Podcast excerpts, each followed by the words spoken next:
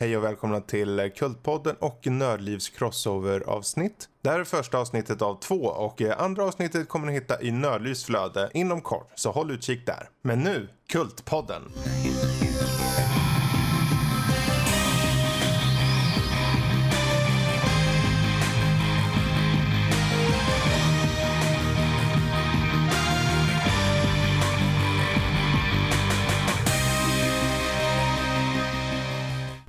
Och välkomna till Kultpodden. Jag heter Mattias och här bredvid mig sitter Emil. Hallå! Ja, och eftersom att det är ett trevligt crossover-event ifrån Connect Hotel i Stockholm så har vi våra chefer med oss. Så vi har Fredrik God dag! och Danny. Yeah. Yes, en favorit i repris. Vi har väl fått ganska bra respons på tidigare crossovers. Ja. Ja, så varför inte göra om det? Ja, och den här gången så bestämde vi oss för att, eh, eller Emil och jag bestämde att den här gången ska vi utsätta Danny och Fredrik för Castle Freak. Fast det vart ju snarare att jag utsatte alla tre för det för att jag var den enda som hade sett den innan.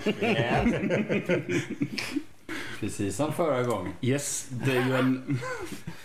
Det är en film regisserad av eh, Stuart Gordon, släppt via Full Moon och Charles Band 1995 eller 96. Yes. I rolllistan så har vi Jeffrey Combs, Barbara Cra- Crampton heter hon, och Jonathan Fuller. Ja, Och det var allt för delen. ja precis. Tack så mycket för att Men ni innan var vi, ska vi göra så här, om du, du som har sett den och vet om den säkert mycket mer än oss, kan du bara Mm. dra premissen lite snabbt? Vi behöver inte gå in på allt. Jag tycker om den för att Emil gör exakt samma sak. Yes, jag sa ja, liksom, men- ja men Mattias berättade. Så kan vi gå in på vad vi tycker och känner Ja, om, om vi ska pra- prata rent kort om den så handlar det om att eh, ehm, Jeffrey Combs och Barbara Crampton drar till Italien för att Jeffrey Combs har en eh, släkting som precis har gått ur tiden och då ärver Skådespelaren Jeffrey Combs har en släkting som... Hans karaktär, ja. hans precis. karaktär. Tack, där kom vi till. Nu trillar paletten ner där. Ja, jag tänkte att jag inte behövde poängtera det men Ja, jo. Man kan inte vara nog för tydlig tydligen. Hans karaktär har ärvt ett slott. Eh, så de sticker dit för att i stort sett bara rusta upp slottet för att kunna sälja det. Men det visar ju sig att slottet bär på en hemlighet i fängelsehålan. Där det bor ett freak.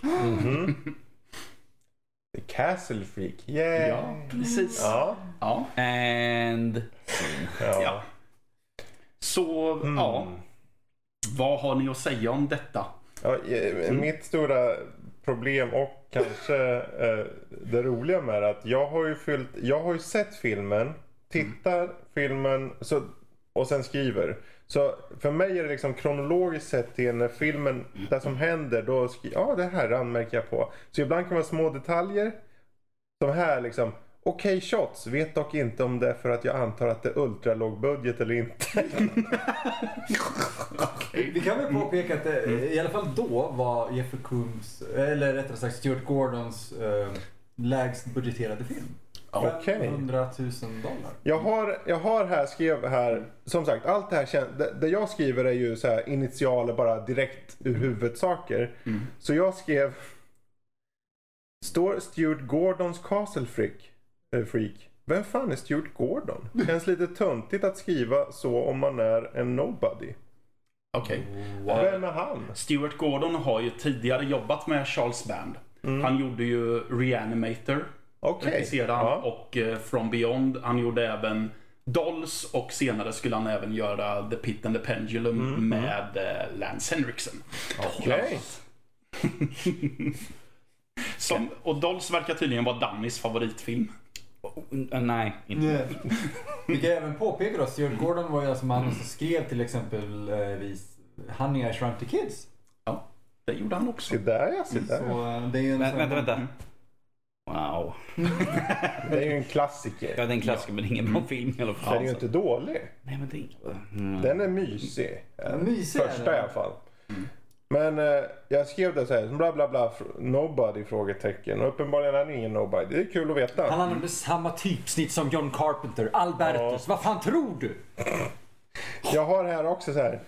Tanten som skär i bröd. Det här är prologgrejen. Ja. ja för det börjar med en prolog med tant. Grevinnan. Ja. Eh, hon, tanten som skär i bröd och korv i början. Vad är grejen med att ADR, ADRa henne att stöna och stånka på det här sättet? Frågetecken. För att hon är gammal.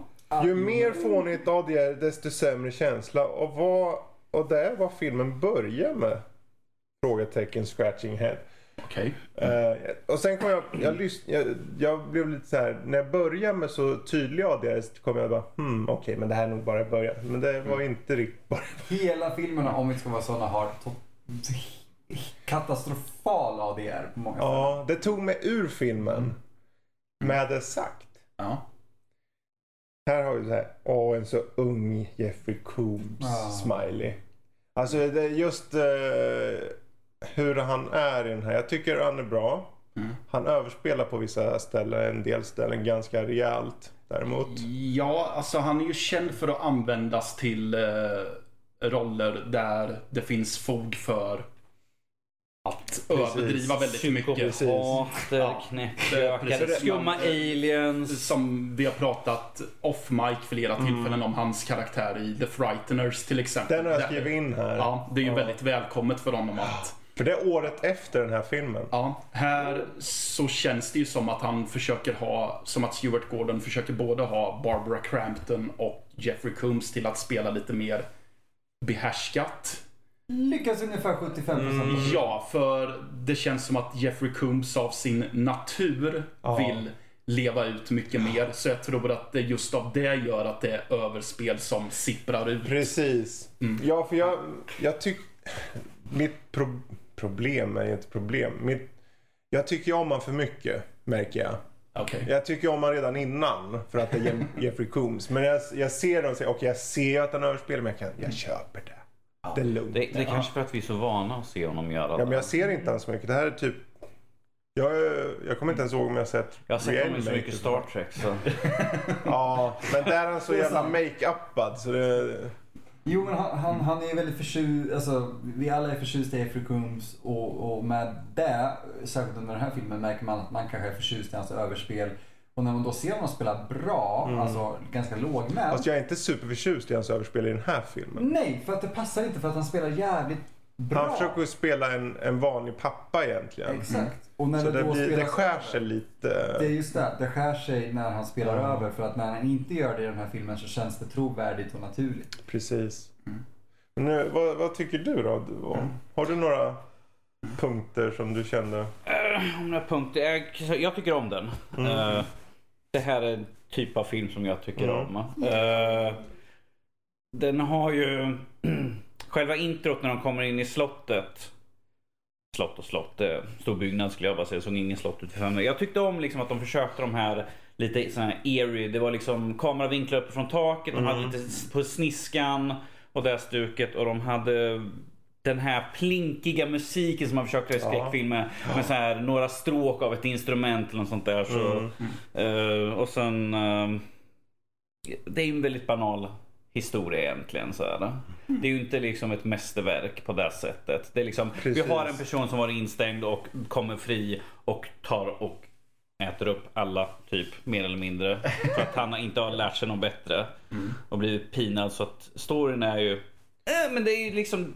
Den är ju en lite äldre film så att jag, jag förväntar mig inte så mycket mer heller på det här sättet. Den känns, för sin tid så känns det liksom att väldigt typisk egentligen. Ja, sådär. alltså jag, jag tänkte på den här, hur, den är, eh, hur den är filmad. Den har ju den här... De rör ju kameran hela tiden så här eh, lite upp och Den är väldigt ner. handhållen. Och jag störde mig på det. Du jag inte, kände, du vill inte åksjuk då? för de vill, nej, för jag tänkte bara, för de hade ju close-ups. De hade ju still, det var ju stilla shots. Fast de gjorde det ändå. Och jag, I viss mån så finns det ju många filmer som med flit har det för att de vill etablera en känsla. Men det kändes inte som att filmen egentligen brydde sig om det. Utan de egentligen ville bara ha en close-up. Då tänker jag, men varför gjorde ni inte bara en stilla? Ja, ifall du ska ha en rörande kamera, ifall, ifall du har en POV från någon karaktär som Ja. kanske gömmer sig eller något sånt där. Men ifall det är en statisk bild, folk som går i en korridor eller något sånt där. Då finns det ingen nytta Jag vet inte, det var någonting som jag tänkte på då. Det var inte som att det vart... Den kändes bara tydligt lågbudget av det. Det, det är just det den är. För att han, han flera år, eller ja, åren efter det när han Mm. gjorde filmer så var det väldigt låg budget. Och då blir det ofta en fråga just om handheld. Precis. Och det, Men det kändes som ett val från, eh, från fotografen att ha det så snarare. För de, det var ju så många sti, egentligen stilla shots som de bara valde att ha lite, lite, lite rörelse på. Mm. Så jag tänkte, men ni kunde egentligen låta bli. Du, Ha ett snyggt stilla shot, det gör inget. Ja, ifall, Jag skulle ifall, hellre ifall, sett- ifall, och ifall de hade velat så kunde de bara gjort det liksom senare i... Ja, liksom, nu är det här teknikaliteter liksom. Det här är ju egentligen detaljer vi är inne på nu. Ja. Eh, jag har inte kommit till vad jag tycker om filmen än. Men Jag jag, är redan- jag nyfiken redan på vad Emil vill. Ja, jag är också nyfiken på vad Emil tycker. Men, men jag tänker säga också här, en sak Ja. som... eh, När den scenen kom upp, det här är ju efter att han har uh, blivit anklagad av polisen. Ja. Att Mm. liksom, du ska komma in, jag vill ju genomsöka. Så springer han upp i torn. Och jag tänkte, jag bara, någon kommer slängas ut från det här tornet. Det var Ja. det första jag tänkte. Ja, så ja. Uppenbart, för, för A och O i filminspelning, ifall du visar upp en scen på ett på ett ställe som är liksom såhär, åh det är högt upp och nej, eller det är någonting dramatiskt liksom. Man bara, någonting kommer hända här uppe för annars skulle man aldrig ha tagit vi, med säga, vi kommer ju spoila saker så det, ni Definitivt. vet det. Ja. Jag kan säga redan, säga redan nu att när, när frun säger att jag önskar att du var död så tänkte jag han kommer offra sig på något sätt och sen kommer det liksom vara hans sätt att ge tillbaka. Och Hans redemption. Riktigt, ja, och mycket riktigt han tar med sig det där monstret ner i fallet liksom. Mm. Så, och på många sätt är den ju väldigt nästan kliché på det. Den är ju den, är kliché. väldigt, den är extremt kliché. Så att jag kände okej. För mig så om jag ska ge någon form av betyg sett till filmens eh, helhet skulle jag säga att det är en medelmåttig okej film. Mm. Eh, jag har så här plus och minus på den. Om Oh ni my vill. God. Jag har massor med grejer mer men vi kan ta bara. Ja. Plus, det är Coombs. Jag tycker om han oavsett. Ja. Men jag är färgad. Så Mm. det är också ett minus. Ja, okej. Eh, det teck- vad säger jag? Eh, familjen, det här är plus nu. Familjen och särskilt dottern. Jag tyckte om det. Dottern Ja. som är blind då. Jag gillar henne väldigt mycket. Ja, Ja. jag tyckte hon var stark i rollen för vad det var och så. Och jag tycker att många, jag tycker att det är vissa scener som funkar just på grund av att man vet att hon är blind. Mm. Så det finns ju en scen då eh, han, eh, Mon- freaket, Ja. Giorgio, kommer in i hennes, Hennes sovrum. Och just bara när hon inser att hon inte är ensam i rummet. Mm. Så tänkte jag sist när jag såg om den att Ja, jävlar just bara insikten Mm. att Ja, Precis. Det Hon där, det där bra. är en sak som störde mig okej. under filmen för det var så inkonsekvent. För i början när, han, när de skulle gå och leta efter booty som han säger, jag bara Mm. okej, det betyder en helt annan sak just nu än vad det kanske gjorde då. Sådär. Eh, han sitter i sin dator, jag ska leta lite booty. Man bara, eh, okej. Nej, för i, i den scenen när han sitter och bläddrar igenom det här gamla albumet så hör han någonting så här. Och han hör ingenting. Och sen har vi scenen då freaken kliver in i hennes rum och liksom, man hörs liksom klink, klink, klink och sånt där. Och hon tittar, sitter liksom uppe vaken, hör ingenting uppenbarligen. okej. Sådär. Så det var väldigt inkonsekvent på hur bra hörsel hon hade eller Ja. hur uselt hon hörde. För han kunde liksom smyga runt henne och hon hörde ingenting ibland. Men att hon hörde liksom någonting långt bort. Så blablabla. Man bara, okej det där irriterar mig lite granna. Ja, jag, ja, jag hör vad du säger. Ja. Jag vill höra Emil, vad du Ja. tyckte och tänkte och så. Va, hur, hur, mycket, hur mycket stryk ska Matte få Nu sa jag inte upp alla plus minus, jag kan komma tillbaka till det. Ja, absolut. Jag kommer inte slå Matte i njuren för den här filmen faktiskt. Just för att för, Nej, med lungan. mer, mer lungan i så fall faktiskt. Vad fan! Ehm, Därför att eh, jag, jag har haft en vecka nu där jag plöjt film som jag har legat på min watchlist bara för att få det gjort. Mm. Och det här var ju en av dem. Jag är positivt överraskad av den här filmen. Mm. Kanske för att jag har sett så mycket skit också. Men ehm, den, är, den är ju väldigt kliché i sin handling och så, men det är inte riktigt därför heller man ser den här typen av Mm. film. Eh, utan sättet den här använder sig av sin väldigt typiska handling och story på är ganska, inte unikt, men, men det, det är ett sätt som inte är jättevanligt. Den är ganska rå i sitt Mm. våld. De våldsscener som är med är eh, väldigt man kommer ihåg dem för att de, Precis. sticker ut. Det här med att nafsa lite försiktigt har inte den här freaken lärt sig.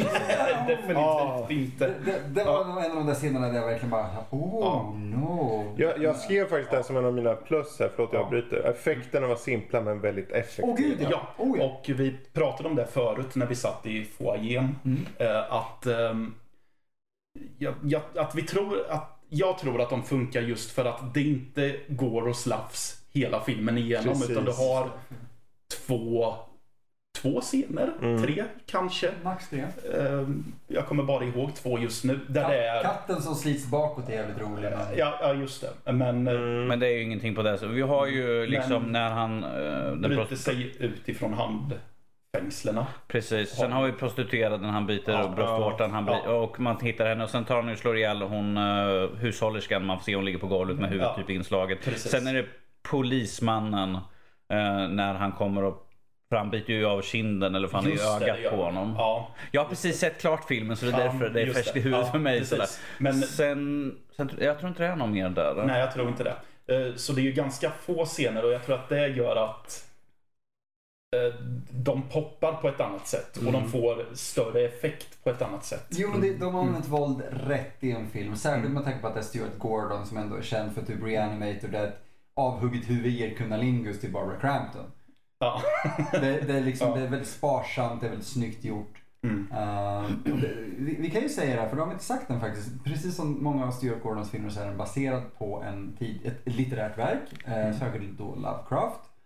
Var Eh, det The Outsider? Ja, The Ja. Outsider, exakt. The Outsider, det, det, det är så många sådana här eh, Lovecraft-adaptioner, den är löst baserad. Ja, precis. Den här är alltså... Den är inspirerad, det är ju mer än bara... det, precis, det, det, det är just där den är. Den är Det är, det är inte en adoption utan det är bara en inspiration. För- Väldigt, för att det, det skiljer sig väldigt mycket från För Outsider. vad jag förstår så är The Outsider talad ur, eh, om vi nu ska prata filmens Ja. grej, så är, är det ur monstret perspektiv. Precis, Ja. vilket är väldigt intressant för jag hann lyssna på den på vägen upp till Stockholm faktiskt. Mm. Ehm, och den är, det är en väldigt intressant berättelse på det sättet. Men, men Stuart Gordon har inte använt den på det sättet att berätta den ur monstrets perspektiv. Utan han har kört den på ett väldigt, egent- egentligen klassiskt slasher-manér. Okej. Uh, vilket är lite synd, men jag förstår också. Mm. Ehm, jag, ja. Alltså jag måste säga, det här är ju en film där det är inte den här klassiska vi gömmer honom i skugga hela tiden. Visst, han springer omkring under en duk men att Mm. vi får ju se honom väldigt mycket. Vi får ju se hela eh, Freak egentligen. Igen, för mycket Freak. Eh, liksom Åh titta här står jag och vaggar fram och tillbaka. Åh här hänger mina pung. Min pung liksom var vinglar lite grann. Man bara, man bara ni behövde inte ha med det där. Det var liksom lite för Så fort jag såg pungen tänkte jag att den där kommer vi se bli avsliten i bild, eller hur? Spoiler alert, det blir den inte. Nej, faktiskt inte. Konstigt nog. Det hade varit kul ifall den fastnade liksom när han drogs över kanten där på slutet bara punkt. Sitter i en punkt var gång. Man bara, "Va? Så jag tycker, det tycker jag ändå är rätt kul att de har liksom, för, jag tycker synd om han skådespelaren som var i full, den här jävla makeupen. Ja, den tog... Hur lång tid tog den Matte? Eh, Jättelång tid. Ja, Jag, jag menar dagens, brukar de säga runt 4 till 8 timmar för att göra en sån här full body. Och jag tänker när den här kom, Mm. det är säkert en 12 till, till, 12 till 20 timmar kanske. Ja. Det blir lite som Gunnar Hansen i Motorsågsmassakern. Jag håller mig undan så här med parten av casten för att jag har inte tid att umgås med. För film. Jonathan Fuller som spelar eh, Freaket, han är ju med i Pit and the Pendulum har inte någon makeup på sig så, nö- han är alls. så nöjd. Ja, så... Men det är som Tim Curry, han bara, Ja. jag kan ta den här rollen men jag vill inte hamna i någon smink eller mask Ja. eller något sånt här. Men det följer också med sig att jag känner ju inte igen människan alls just för att han såg inte ut som en deformerad människa. Ja, jo, Vilket är en bra grej. Därför Ja. att sminket i den här filmen är nästan oklanderligt. Mm. Inklusive, alltså även i HD så ser det jävligt bra ut. Mm. Det får man säga. Det får man. Ja. Filmen håller. Jag såg, ju, jag 2. såg ju den här remastered edition på den i alla fall. Ja. Så. Såg riktigt krispigt. Fast jag tycker, jag tycker fortfarande skönt att de hade behållit lite utöver den här konigheten. För, visst, ja, från den, för att liksom remastera på de gamla jävla filmerna ifall man inte Det är gör bara så som... mycket de kan. Ja, ifall det inte också. som typ Jaws när de verkligen sitter minutiöst typ bild för bild. Restaurering Precis. Jo men det, det Nej, kan... men jag- Men, det är, men jag tycker att det hör till när man tittar på en klassisk, nu jag med kaninöron, klassisk, det ska vara grain för att det hör till. Ifall den skulle vara helt krisp och liksom ingenting. Då skulle du tappa liksom hela den, Ja, e- den erans jag, charm. Jag såg ju 88 Films Blu-ray-släpp av den Ja. här för att det är den jag har hemma. Och eh, de är ganska bra på att behålla grynkornen i sina Mm. Blu-ray-släpp också. 88 är jävligt bra just för att de gör den grejen. Ja. För att det finns väldigt många, inklusive de som, jag kommer inte ihåg vilka det var, som remasterade Predator och även de som remasterade Evil Dead för någon remake, eller remaster. Mm. Därför att där har de tagit bort, bort grynet. Mm. I Predator ser de ut som vaxfigurer. Du har inget filmgryn kvar. Filmgryn är inte smuts. Det tillför en del. Tar du bort det från Evil Dead, då tar du bort halva skärmen, du tar bort halva grejen. Mm. Filmgrynet och kvaliteten är där för att dölja någonting egentligen. Eller de tänkte det när de gjorde Evil Dead, vilket Sam Raimi själv har sagt. Vi kunde gömma väldigt mycket. På grund av att kvaliteten var som den var. Ser man då Evil Dead i full HD idag så ser man Åh! Titta! Jag ser sminklinjerna. Vilket har sin charm. Men det var inte så det var tänkt att ses. Så att, de- att de har behållit filmgrynet och stilen, atmosfären här är jag ytterst imponerad över. Mm. Ja, för filmen är ju väldigt mörk ibland. Mm. Den har ju väldigt mycket den här, vi smyger omkring, eller vi springer genom korridorer, det är mörkt. Som till exempel när Jeffrey Combs går ner i källaren, eller ner i, i källarvalvet för första gången. Hälften av tiden så ser man ju inte honom. Det är liksom man ser en silhuett. En mörk silhuett mot en mörk bakgrund. Att han är lite ljusare.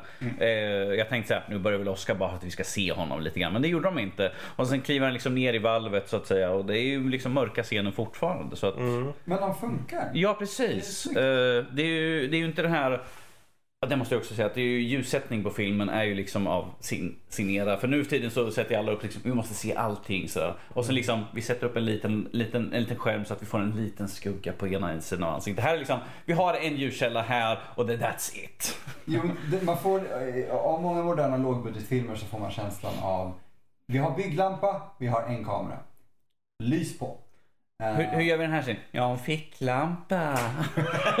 Alltså vi har ju suttit där och, eh, Matte, liksom, det, det är så här, har någon en mobillampa på sig? Ah fuck it, då kör vi den. Jag gjorde en film då en snubbe hade en mobillampa fast Han hade en mobillampa i princip fasttejpad i pannan bara för att han filmade. Ja, exakt så.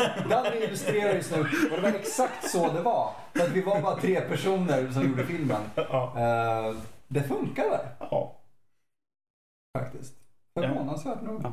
Fredrik, hade du några fler punkter? Ja. du Jag har hur många som helst. Gud, alltså. det här blir en fyra timmar. Ja, Men jag, jag skiter i mycket tror jag. Ta, ta, ta de som du känner liksom de som sticker ut mest liksom. Eh, jag tänkte för hela grejen att han, han är ju med i en olycka där hans son dör. ja. Ja. Och det här är ju varför han har sån ångest och mår dåligt och så. Mm. Eh, Nu räcker Danny upp handen och vill ha ordet. Vi, vi, Ja. Får, får jag bara säga en sak?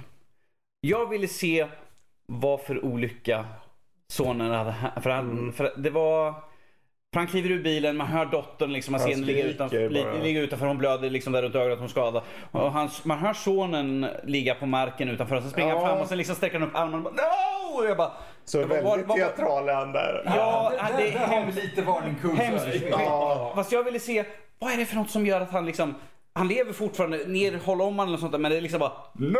Jag Ja, han har gett upp på en gång när han ser en. Ja. Fast jag gillar det, därför att med, med, med tanke på att jag nyligen såg Hereditary, Mm. som visar just en, en, ett, ett barns död i en just bilolycka. Precis. eh, som är extremt välhanterad. Så jag är väldigt glad att de inte visar... Jag vet att de, varför de inte gör för att se barn och på, På den tiden kan jag ja, förstå och det. liksom någonting som är liksom dödligt på det sättet. Vanligtvis Ja. har man liksom, det är liksom utanför frame. Plus att det kan vara en kostnadsgrej kan jag tänka mig också. antagligen.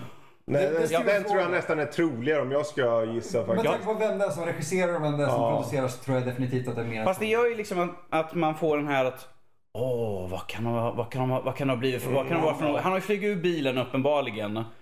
Jag, Jag skulle inte- vilja att de, gjorde no de skulle ha gjort den scenen bättre bara. För när han bara går ut och ställer sig framför da- äh, Skriker lite och bara grann. skriker oh, no, no. Jag bara, men ta in hans blick på hur han ser det här. Man behöver inte se vad det är. Man behöver fokusera på hans skräck inför vad som hänt och sen helt- reaktionen bara. Jag, jag är helt med på vad du Ehm. menar. Och i en annan film som inte hade hetat Castle Freak hade jag varit helt med dig där. Det, det, det är lite grann som med slutet när de har slängts ut från tornet. Hans fru springer fram på dräkten och lyfter upp, rycker upp hans, hans huvud liksom. Ja, vad Och jag fan? bara, Jag bara- han har trillat ner från ett torn. Ifall du vill att han kanske ska överleva, Ja. rör honom inte. Han kan, ha en, en, han kan ha en nackskada. Jag tänkte på det, för vad jag skulle komma till. För det, Mm. han får ju ångest. Han, eh, frun tycker inte om man milt sagt. Efter vad som hänt. Och dottern blev blind av olyckan. Han var full, så han är en alkoholist. Det är där han, han stångas med alkoholism. Och han har uppenbarligen liksom ångest. Och så skrev jag här. För att ha sån ångest för vad som har hänt med ungarna så är det märkligt att han, pappan då, inte har koll på sin dotter. Så hon springer ju iväg när han sitter med Ja, henne. när han sitter och bläddrar Ja, det finns saker där. som jag bara inte köper. Han är så uppenbart remorseful men han uppenbarligen Vi, då... vi kör här. Fredrik, du är ju pappa.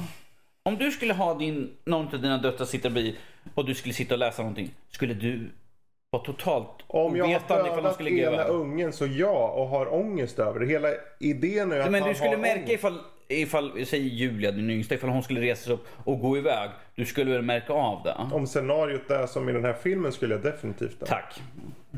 Jag köper det. Men det är, samma, det är samma sak med dotterns hörsel och allt det där. Och han... Men det är just- ja men det- det är liksom det här att hur kan man inte märka? Ja. Hon går iväg liksom och, och så hör man dem prata liksom. Det handlar väl mest om inkons- att det blir inkonsekvent som får mig att få mig ur filmen lite då och då.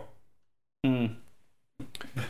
För, ehm, men Ja. det var just bara en sak. Sen finns det ju scener jag tycker om. Så här skriver jag bara. Peddogalning står och glirar på dottern när hon sover. Bra scen. Nej, Typiskt Fredrik! ja, Ja. Och sen ja, framförallt bra manus. Jag tycker om manuset. Manuset är bra. Um, gillar uppbyggnad, gillar tempo. Det är quirky, det är småputtrigt men gillar effekterna mest har jag skrivit. Pacingen är väldigt bra för att vara Ja. en sån här film. Ja. Coombs, bra svettig i många filmer. Har jag skrivit. Han är alltid svettig. Se på Frighteners efter säger jag bara. Men massor. Och så här. Eh, bla bla bla. Coombs överfull och överspel. När han är på baren. Han är så full. Det är så. Du vet när man spelar teater och håller på. Okej, du ska inte vara full full. Du Det- ska vara en person som inte försöker vara full. Det ska inte vara den här... Han, "Åh, jag är var, han jäkla-" spelar... En, han är en kille som vill låtsas vara full. Fast jag köpte den fyllan. Jag köpte den inte för fem Gjorde sekunder. Och Nej. Jag, jag, jag kan... Han bara... Inte jag heller, jag har sett Fredrik. Full. Han var så... Den mimiken och... eh, Det, det var så off. Jag, jag, tror, jag, förstår vad du menar. Samt, samt, jag, jag tror jag har sett för mycket Plus att det är överspel i den också. Det är överspel. Där. Jag tror jag har sett för mycket skit. Ja, okej. Så att, när jag ser då en film med så här, okej, Stuart Gordon, jag ser Jeffrey Ja. Combs. När Jeffrey Combs överspelar full Mm. så köper jag den.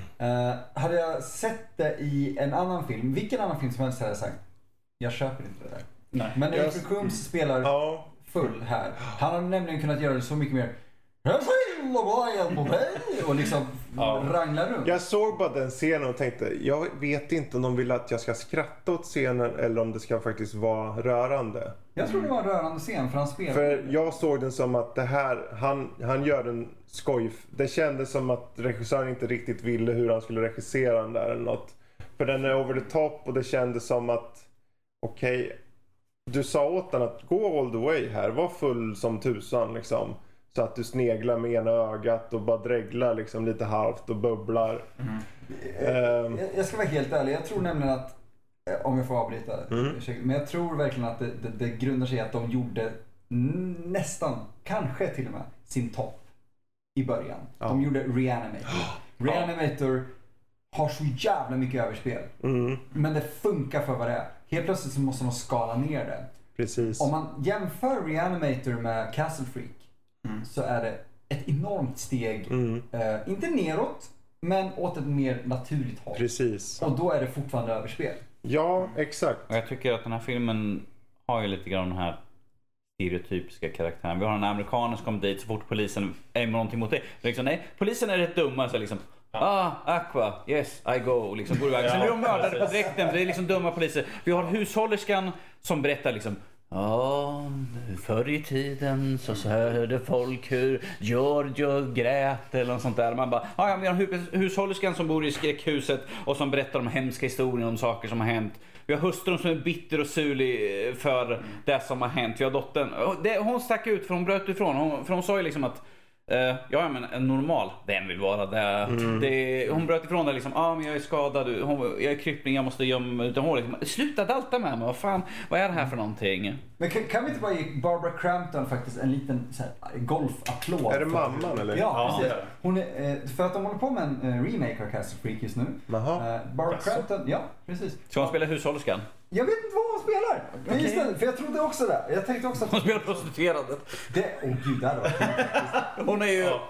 Är hon? Oj. Jag kommer inte ihåg hur gammal hon är. Hon är väl närmare än 50 i alla fall. Det, Ja, ja, att, jag skrev upp henne här. Du det? För att, mest för att jag bara, jag är mest frågande bara för hon ser så ung ut i filmen.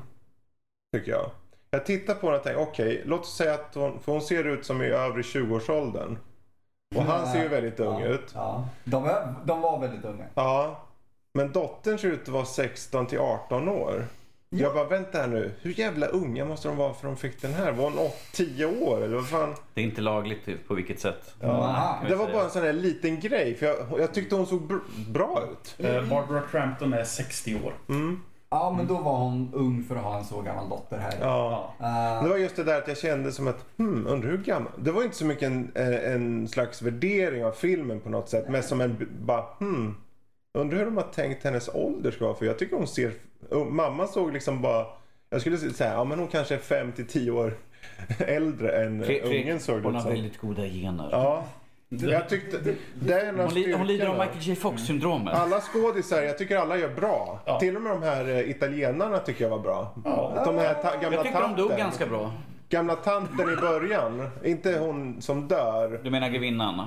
Inte hon. Jag tänker hon som, de, när de kommer till slottet så är det någon äldre dam som polisen lämnar av Ja, En hushållerska eller fan hon är för någonting. Eh, hon tyckte jag var okej, bra Alltså, det, det, det finns ingen, ingen som är så här, inte vad jag minns, jag såg den igår Mm. om jag ska vara helt ärlig.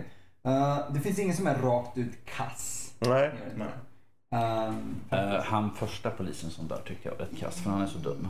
ja, alltså, ju, Men det är ju superextras känns det Ja exakt, alltså det är de här lite glorifierade Ja, men, extras. det är som jag sa, det är de här stereotyperna som bara Åh, vatten, ja, jag går. Vad är det där för någonting? Jag tittar upp.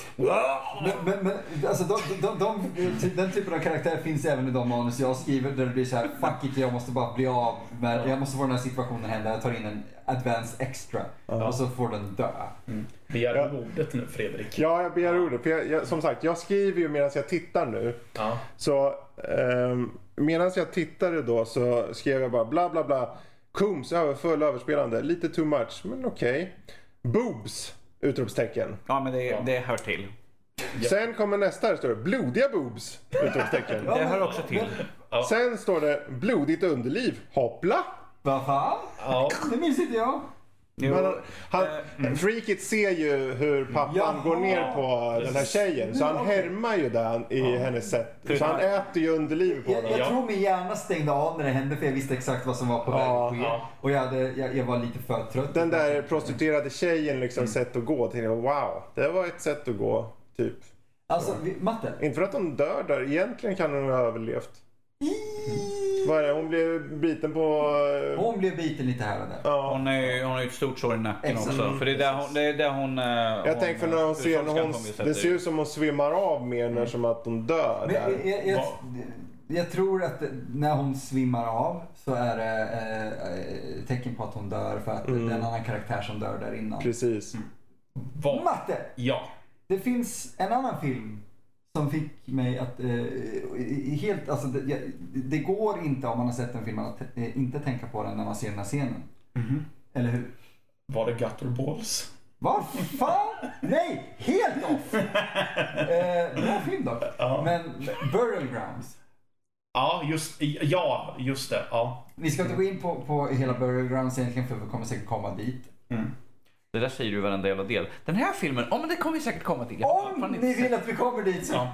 får ni höra av Nej, men- nej men eh, det, ja, Det- det- jag, jag tänkte helt Jag annat. ska, gå, Men, ner- jag ska gå igenom ert bibliotek och skriva upp alla filmer. Och Det är bra för då har vi en säsong till efter det här. men det är ju en Det, lite- det är ju en film som har en avbiten, avbiten bröstvårta Ja, när, också. när man börjar tänka så här, ja det här är inte första filmen med en avbiten bröstvårta jag ser. Då, då börjar man få problem. Jag, jag tror att det är ett mer problem när man ser en sån här scen och man liksom bara, äh, sinigt. Då vet man att det är ett problem sådär. Det är liksom, vardagsmat. Ta, två, ta båda på direkten. Då, då hade jag, okej då hade jag faktiskt hyllat den här lite grann för att vara mer extrem. Ja, Faktiskt. Mm. Eh, Men Matte, vad tycker du liksom om, om, om vi ser på den här som en av Stuart Gordons eh, filmer. Alltså han har gjort ganska få filmer egentligen. Mm, ja. Alltså i, ja, i det stora hela. Mm. Var skulle du placera den här? I, I någon slags topp fem eller vad? Ja, Top Stuart Gordon. ta, ja egentligen. Top Stuart Gordon. Vad är det den här gör som Reanimator inte gör? Eller From Beyond? Eller From Beyond. Ehm, Just för att det är Lovecraft-historier. Eh, Ja, eh, den här försöker sig på att vara lite mer behärskad eh, i, eh, ja men, skå, framförallt skådespelarmässigt. Eh, men vad jag, den försöker också sig på att rent allmänt att vara lite mer allvarlig. Och det är också en grej som jag gillar med den här, det är just att det är något slags misärtema rätt igenom. Mm. Just eftersom att vi har pappa som har eh, kört ihjäl Precis. son, vi har dotter som är blind på grund av samma olycka. Mhm. Men vi har även det i eh, freaket Giorgio. Som egentligen bara är inspärrad för att han är ett missbildat barn. Mm. Och mamman Och- har ju ångest. Hon vill ju, bli, hon vill ju Ja. egentligen att pappan ska dö. Hon vill Ja, inte se precis. Och... eh, och Det är väldigt jag- mycket sorg. Ja, faktiskt. Och eh, verkligen mycket i även freaket. Just för att allt han gör är egentligen en reaktion av att han inte har mött en annan Precis. människa någonsin. Han reagerar ju på vad han ser Ja, mer eller mindre. Precis, Precis. Och som ett barn bara härmar. Ja, Ja. precis. Ja, som just den prostituerade scenen där. Han Ja. försöker ju bara härma den akten han precis har bevittnat Precis. med Jeffrey Combs där. Så, Han förstår inte bara att man ska göra det försiktigt. Vilket jag känner att... bita av saker. Vilket Ja, jag känner att han är ett monster, men han inte... Han är samtidigt bara ett monster för att han inte förstår bättre. Precis. Samtidigt. Så det är någon slags... Det är ett sorgetema som jag känner gör att den Mm. sticker ut på ett annat sätt i Absolut. hans bibliotek. Om Jag- jag- jag- Elephant Man hade freakat ur så är det det här vi hade sett. Ja. Jag, jag tänkte när jag hörde titeln, jag bara, God, det är en monsterfilm. Det är lite... Monster, alltså, eh, freak, ifall du tar, säger ett freak, då tänker man liksom, ja det är typ en monster eller något Mm. sånt där. Som, eh, vad heter den där freak, freakshow-filmen från 60? Med de här... eh, Ja, det, det- det, jag tror den heter Freaks eller något sånt där. Freaks är från 32. Ja, Ja, 32, det är jag tror de är 32, äldre. Todd Browning. För, för det är ju så när man tänker på när man tänker freaks, det är liksom det är lite Folk ser dem som monster och sånt där. Men Ja. det var ju liksom en mänskligt Ja. freak med kaninöron. Det är liksom bara en misär, en misshandlad person. Vilket gör det som- intressant. Ja, Det är lite det, Frankenstein. det, ja, Ja. precis. Precis, för det första vi ser med freaket är att han blir piskad med Ja. en, en, vad heter det, en tiosvansad katt. En cat och nine tails. Ja, precis. det som Jesus ja, piskades ihjäl precis. med i princip. Ja. Naruto. Ja. Mm. Nej, men om jag skulle placera någonstans eh, så skulle jag väl säga att om topp tre är Reanimator, From Beyond och Fortress Mm. så skulle jag nog sätta den här på nummer fyra ändå. Ja, Mm. intressant. Av Stuart Gordons filmer. Mm. Eh, Fredrik, du har fortfarande din telefon uppe. Jag är jättenyfiken på vad du har för anteckningar.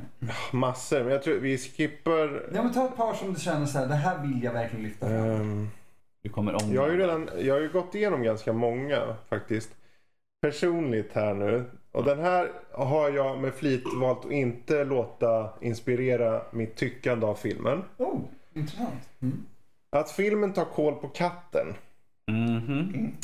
skulle gjort att jag per automatik skulle ha gett filmen lägsta betyg. Jag förstår den, för jag förstår... Men kommer bortse och se till the big picture skrev jag.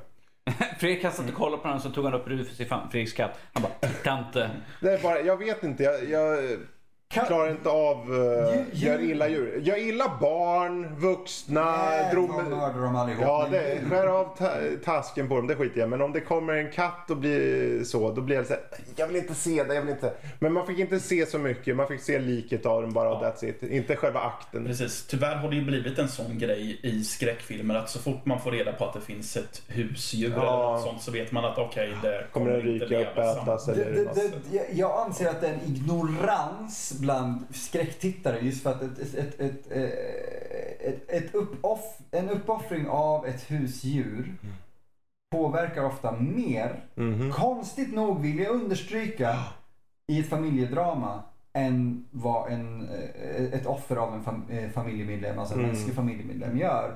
Så att, att då gå på husdjuren, det kanske är det sätt man når fram på. Ja, Det är ett sätt för filmen att närma sig dig som Precis. tittare. Mer än, än, än ja, alltså, Fast, jag tycker bara det känns billigt. ja. fast jag Den måste ju där. säga att man, gud vad stark man verkar bli att äta en katt för att han låg ju där inne. Det var liksom, äh, och så Ja. åt han katten och sen kunde Det är han väl liksom mörda hur många som helst. Han kunde slå ut dörren. Ja, det, exakt det hade jag som en punkt. att Okej, allt som krävdes var att han bröt av fingret på sig själv. Sen kom han, han kom ut genom dörren och allting Vars, kändes det som. vars scen han gör fick både mig och Mattias att reagera. Ja. Och Jag tycker jättemycket om hans ta bort uh, tummen-scenen. Åh gud ja, den var bättre Det som eh, var en liten uh, kycklingben Vinge. som ramlade- vinge som ramlade på och bara Ah, gud! Ja.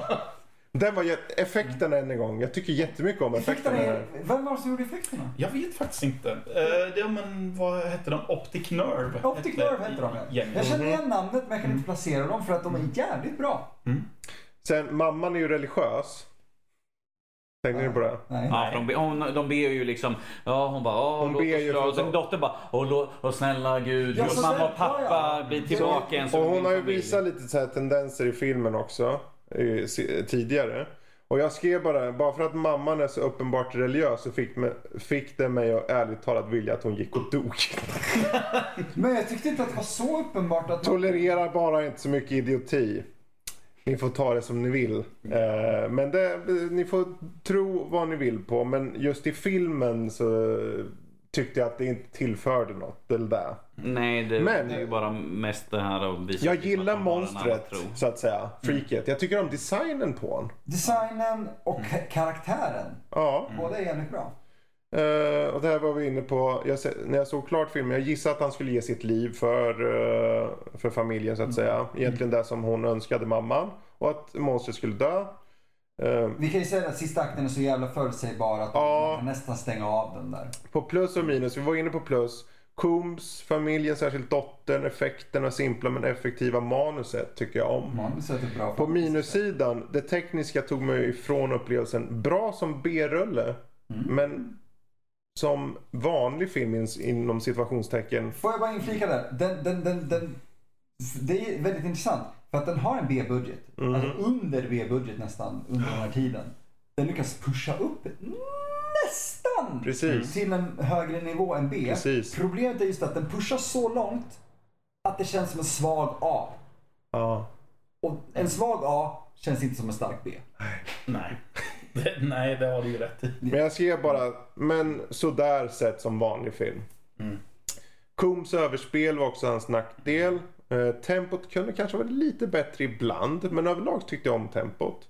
Eh, slutet var sjukt uppenbart. Och så jävla... Ehm, och många gånger, du som man tittar på film, en film kan ha jättebra resa fram, men om, om, om man sjabblar slutet så kan många få, alltså det sista man kommer ihåg är slutet.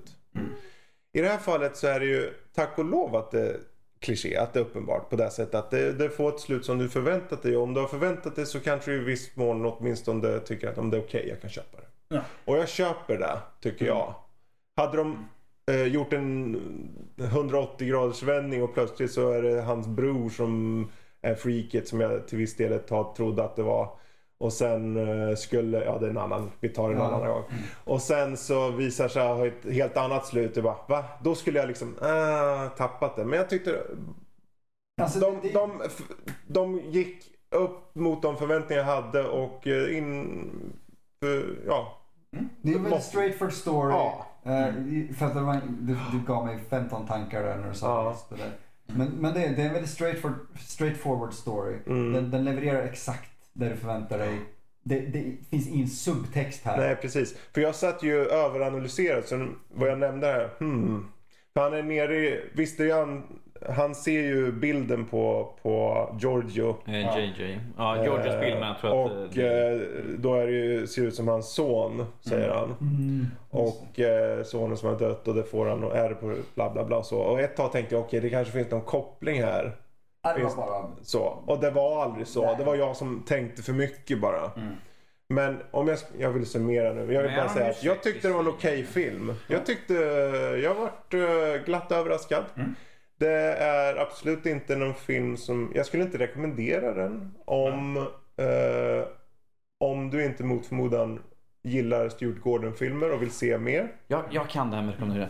Uh, ifall man uh, dricker någonting eller ifall man har någon kompis med sig. Jag har hört Nej, jag er- tänker bara i kontrast. Varenda avsnitt av Det är slutar liksom såhär, Om skulle, vi du- ska- skulle du rekommendera den här filmen? Ja, ifall man har druckit Men om man ska titta på. Stuart Gordon-filmer så antar jag att då ska vi börja med eh, Reanimator. Det här är inte, den Utan första, det här är inte första valet film. Det är, att Det här- rekommendera något att säga att det här går före något annat. Jag tror inte det här är den film jag skulle Nej, säga går alltså jag- före någon annan. skulle säga om man sett eh, Reanimator, From Beyond och Mm. Fortress eller för den delen hans eh, Masters of Horror avsnitt Mm. Dreams in the Witch House.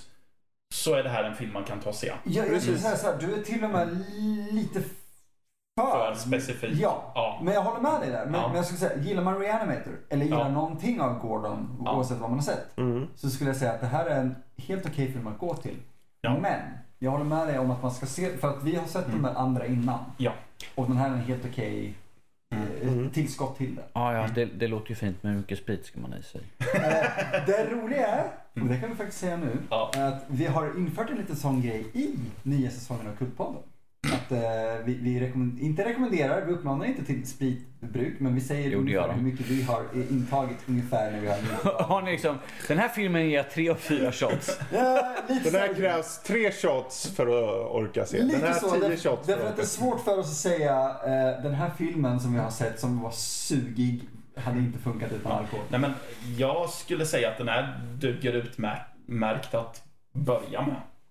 Utan tvekan. Ja, alltså, den här, Faktiskt. Ja. Jag känner inte att man behöver... eh, jag kan se den här nykter. Ja, jag med. Alltså, jag, Jag känner inte att man behöver... Jag tänker Ja. att man inte behöver döva sinnena för att kunna mäkta med den. Nej, den, Nej. den, den, den, den bra film nog för Ja. att kunna se utan... Men, jag, men jag, jag, jag tror att man skulle säkert få det här är inte att rekommendera så här, men jag tror att man skulle få lite mer nöje utav filmen kanske för att de har någonting så att man är lite runden. För, för en del saker, överspelandet och sånt där Mm. och en del övergångar i scener och sånt där man, och karaktärsdrag och sånt där kanske man kan bli lite mer så att ja, det är okej. Ja, eh, utan, Och eh, man kanske missar de här liksom som säger hur hela slutet kommer vara typ 15 minuter innan. Precis. Eh, u- Utan att uppmana till någonting, så två, tre öl in så tror jag att det här faktiskt är en ganska utmärkt film att se. Mm. Det är hemskt att vi har, om du har lite sprit i kroppen, Ja. så mycket bättre film. Och det är så Kultpodden kommer fortsätta. Är så vi lever vidare. Är, Ska... är, det, är det där Patreon går till för eran sprit så att ni kan klara att spela in fler delar?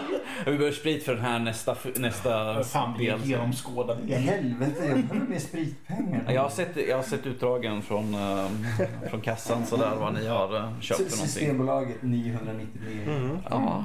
Ja. Skattefritt. Ja, yes, någon som har något mer att tillägga? Ja, Danny, skulle du rekommendera Castle Freak? Yes, det skulle jag göra. Eh, Men jag tror att lite mer folk i min ålder och kanske får man inte sett den. Nu är det 40 plus sådär.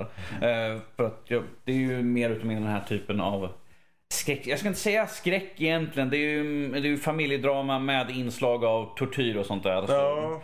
Eh, Det är ju inte en skräck, klassisk skräck på det sättet. Det är ju ingen övernaturligt monster eller något sånt där på det sättet. Men jag skulle rekommendera ifall man är lite, lite äldre kanske och kan uppskatta eh, själva stilen på filmen, uh, skådespelarna som man kanske har växt upp med. Som vi alla har ju Jeffrey Combs eh, som lite smått favorit som vi har sett i massvis. Så jag skulle ge en rekommendation. Ja. även, även, även utan sprit så att säga. Väldigt bra sätt att sälja in den på faktiskt. Fredrik, du skulle inte? Nej men rekommendera betyder för mig att eh, jag skulle säga att den här går före någon annan film. Jag skulle inte börja med den här. Nej.